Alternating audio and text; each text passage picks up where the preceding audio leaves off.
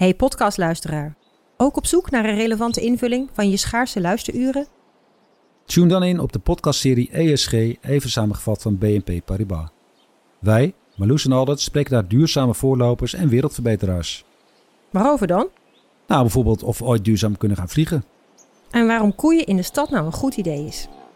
Dat en meer elke twee weken in een nieuwe aflevering. Dus abonneer je. ESG, even samengevat. Al 125 jaar kwaliteit voor jou thuis met Miele. Dat vieren we met jou. Ontvang nu tijdelijk een cashback tot 125 euro op veel Miele-apparatuur. Geniet van de kwaliteit van Miele. Voor perfect verzorgd wasgoed en kleding die veel langer mooi blijft. Voor een stralend schone vaat, even perfect als jouw diners. En een stofvrij thuis waarin echt hygiënisch schoon de standaard is. Check miele.nl voor alle feestelijke aanbiedingen. Vanaf de redactie van NRC het verhaal van vandaag. Mijn naam is Thomas Ruip.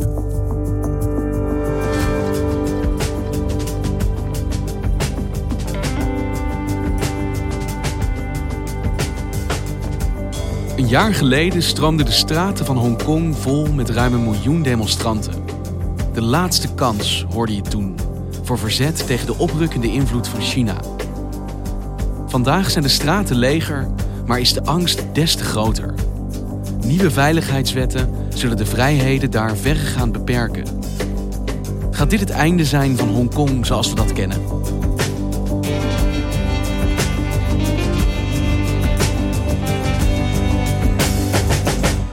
Het is deze week een jaar geleden dat er echt hele grote demonstraties in Hongkong begonnen. Dan gaan we naar Hongkong, want het wordt daar steeds grimmiger. De protesten tegen een nieuwe uitleveringswet houden aan.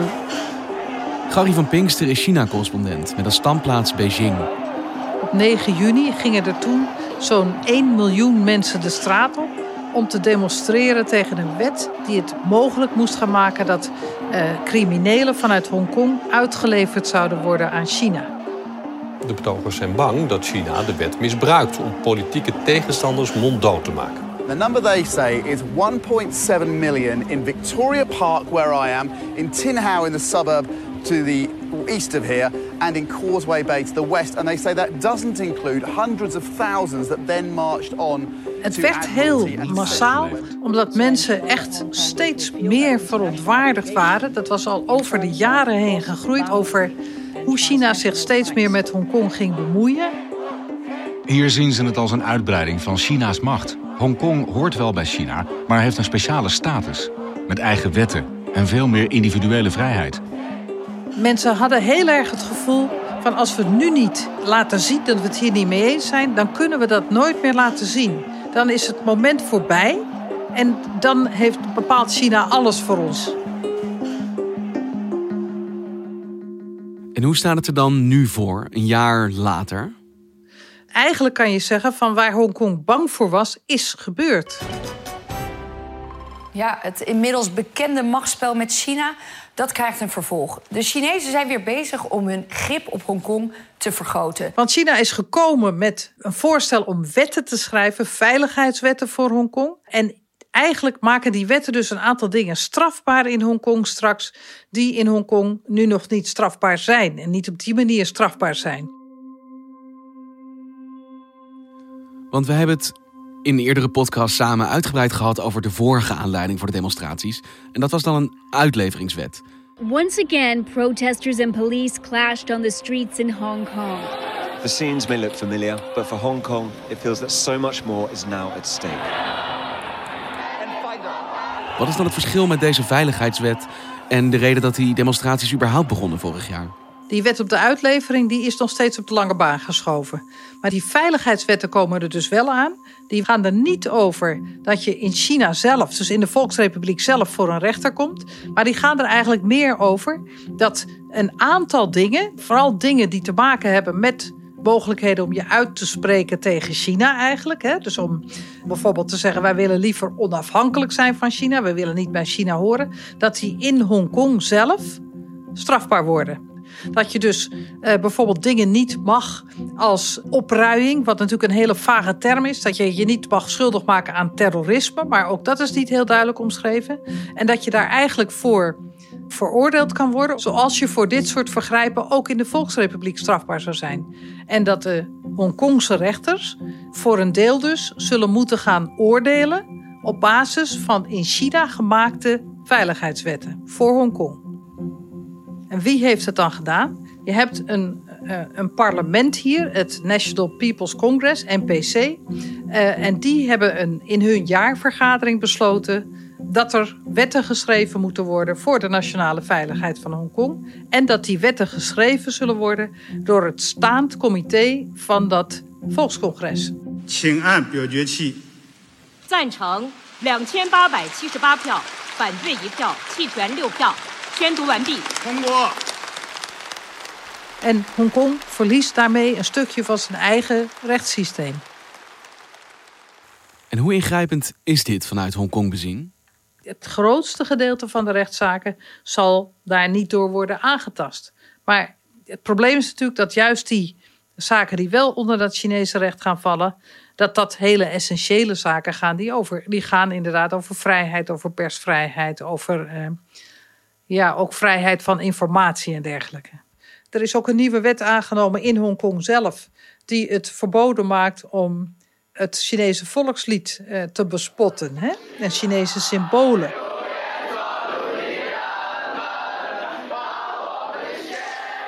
Ik heb gesproken met een meisje van 17 die uh, zo'n hekel heeft aan China.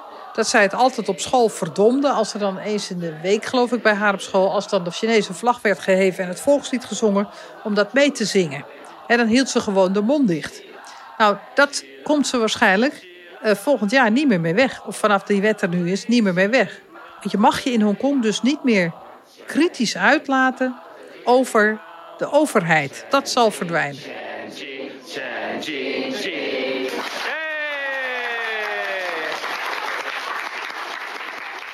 En waarom nu? Waarom denkt China dit nu te kunnen doen op dit moment? Nou, ik denk dat er twee redenen zijn. Eén is denk ik dat China voelt dat ze het nu uh, moeten doen. Want dat ze nu de kans moeten grijpen om echt een eind te maken aan al die demonstraties. Ze willen niet dat als corona een beetje ook in Hongkong opgelost is en als dat niet meer een groot probleem is, dat er dan opnieuw massaal gedemonstreerd gaat worden tegen China, dat zich dat voortzet. En ze willen dat denk ik ook doen voor de verkiezingen van september. Want in die septemberverkiezingen is het waarschijnlijk zo dat de pro-democraten heel sterk daaruit zullen komen. Maar ik vermoed dat ze een deel van die wetgeving misschien ook wel gaan gebruiken om te zorgen dat niet iedereen van die pro-democraten zich verkiesbaar kan stellen. Dat ze zullen zeggen: nee, deze mensen zijn uh, eigenlijk voor afscheiding, of deze mensen zijn eigenlijk uh, opruiers of wat dan ook. Want hoe wordt er vanuit het Hongkongse parlement, vanuit de politiek daar gekeken naar deze ontwikkeling vanuit China? Nou, dat hele parlement is nu enorm verdeeld. Hè? Dus de pro-democraten en de pro-Peking gezinde krachten, dat staat enorm tegenover elkaar. Zo fel dat ze elkaar ook echt lijfelijk aanvliegen in dat parlement. Lijfelijk? Dat er echt gevochten wordt. Ja, echt. Ja, er wordt gevochten. Er worden ook mensen uit het parlement gedragen. Ja, dat is echt een vechtparlement geworden op het moment. En wordt die tweedeling ook binnen de bevolking gevoeld? Loopt die lijn eigenlijk hetzelfde? Je kunt denk ik zeggen dat van de 2 miljoen mensen die er op het hoogtepunt van die demonstraties op straat gingen, uh, ja, dat is. Er wonen maar 7 miljoen mensen in Hongkong. Dat is een enorm aantal, hè? En dat zijn dan dus de mensen die bereid zijn om te gaan demonstreren. Al die mensen kan je eigenlijk rekenen tot het pro-democratische kamp. Als je dan denkt dat welke mensen daarmee sympathiseren, maar die zelf op die dag niet de straat op gingen, dan heb je toch wel een.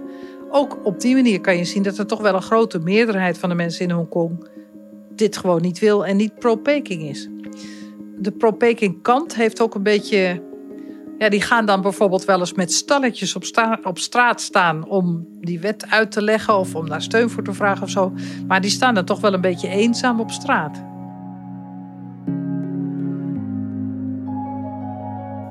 Ik denk dat het zeker ook een enorm cultureel verschil is. Want als je kijkt naar de mensen die pro-Peking zijn, zijn dat ook mensen voor een goed deel die pas sinds kort vanuit uh, China naar Hongkong zijn verhuisd. Als je kijkt naar de mensen die in Hongkong geboren en getogen zijn, dan zijn dat vaak kinderen van mensen die vanuit China naar Hongkong gevlucht zijn. Die juist voor de communisten weggevlucht zijn naar Hongkong.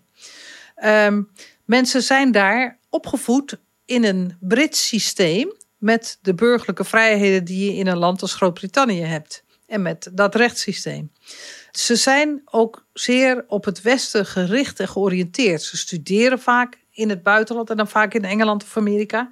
En ze hebben een diep, diepe kennis van wat een westers democratisch systeem is, of wat een westerse samenleving is.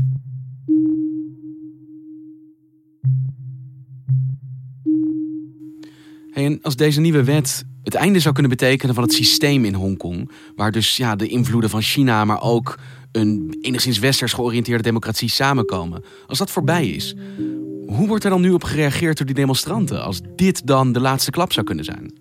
Eh, de reactie is heel moeilijk te voorspellen. Hè? Ik weet dat het, het verzet tegen Peking in Hongkong echt heel diep zit en echt heel wijd verbreid is. Je kunt je toch ook voorstellen aan de andere kant dat als het nog veel zwaarder en duidelijker strafbaar wordt, verboden wordt om te demonstreren, dat alleen een soort harde kern overblijft die zegt van ja, wij gaan tot het uiterste.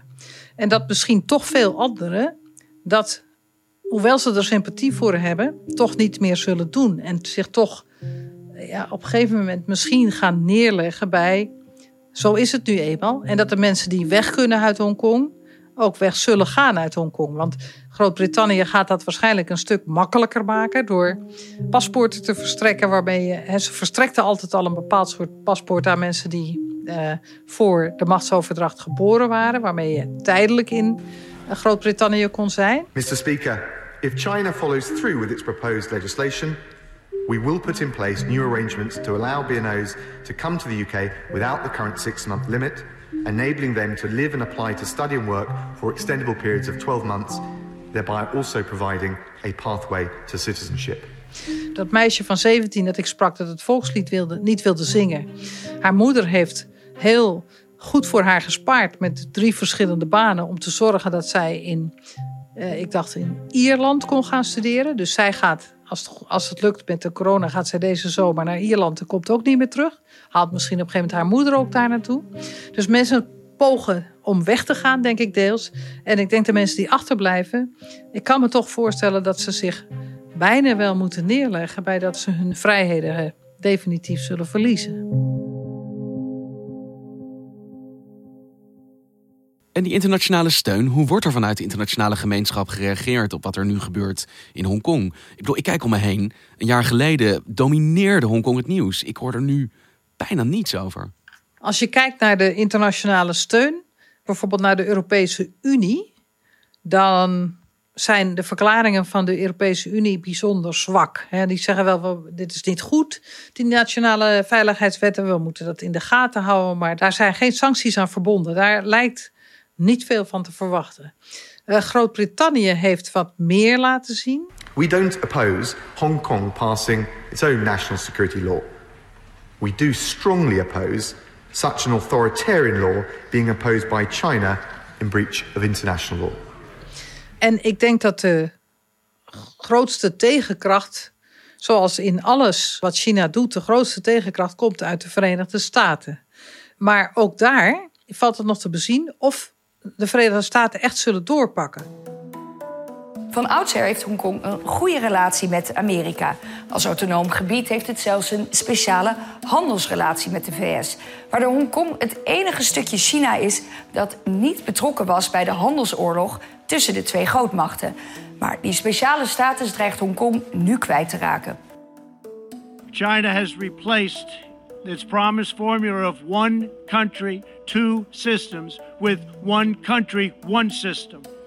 Therefore, I am directing my administration to begin the process of eliminating policy exemptions that give Hong Kong different and special treatment. Er zijn veel minder beperkingen op de relaties tussen uh, de Verenigde Staten en Hongkong dan op de relaties tussen de Verenigde Staten en China.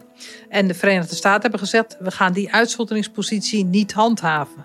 Maar hoe ze dat dan precies niet gaan handhaven en hoe hard ze dat zullen doen, dat is ook nog even afwachten. Maar daar zit nog de meeste tegenkracht. Dus de internationale reactie is er wel.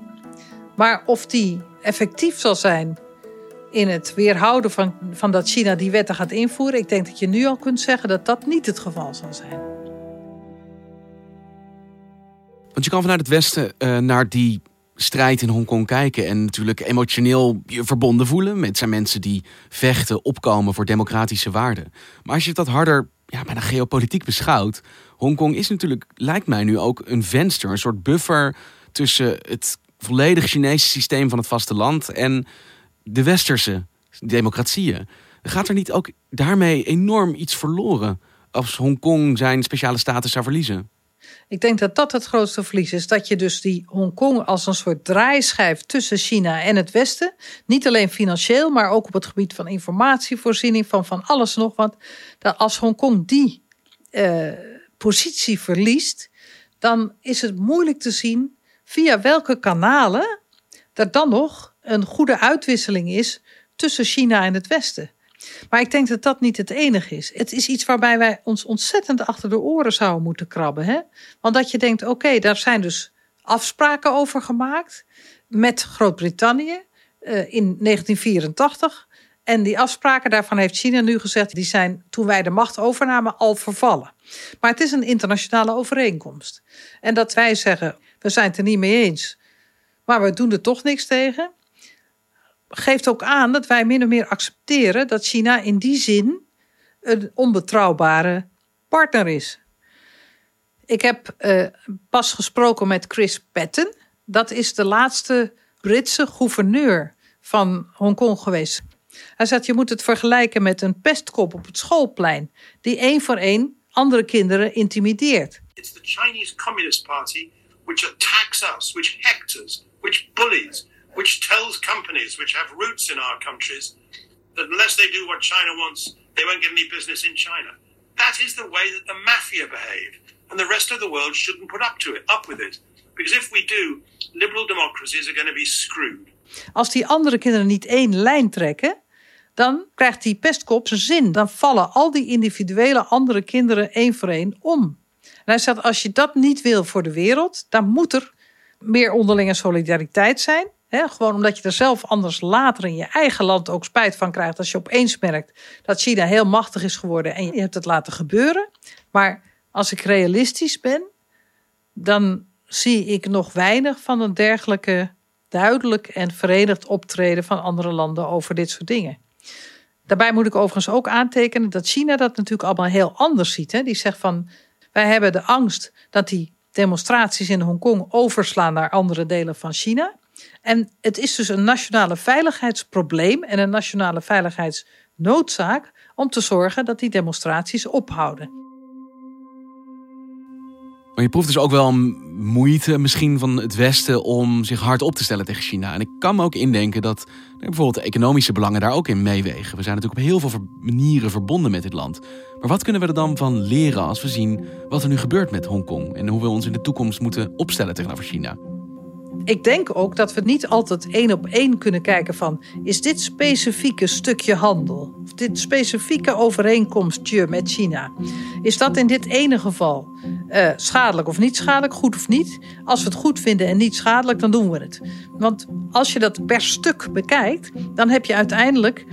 geef je per stuk ook iets weg waarvan je dan tegen kan komen van... oh, maar we hebben hiermee dus een manier van doen en een systeem gesteund, wat uiteindelijk zich tegen hele fundamentele waarden van ons keert. Ook nog eens tegen onze economie, maar ook tegen al onze waarden en normen. En dan ben je eigenlijk al, als je dat constateert, kan je te laat zijn. Dus dat ja, is denk ik ook wel een belangrijke een les, als je dat zo wil zeggen, of iets belangrijks om naar te kijken, als je kijkt naar wat er nu in Hongkong gebeurt. En denk je dat dit het moment is waar wij later op terug gaan kijken? Deze wet, deze zomer, waarop we gaan zeggen: dit was het einde van dat unieke Hongkong en wij hebben dit laten gebeuren? Ja, ik ben heel erg bang dat dat zo zal zijn. Dankjewel, Gary. Graag gedaan.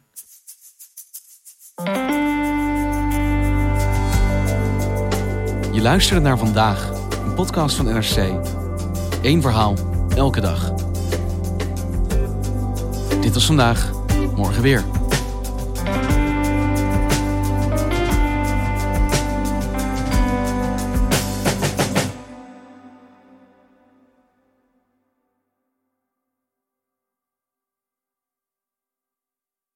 Technologie lijkt tegenwoordig het antwoord op iedere uitdaging. Bij PwC zien we dit anders. Als we de potentie van technologie willen benutten, kunnen we niet zonder een menselijk perspectief. Human-led, tech-powered noemen we dat. Ga naar pwc.nl.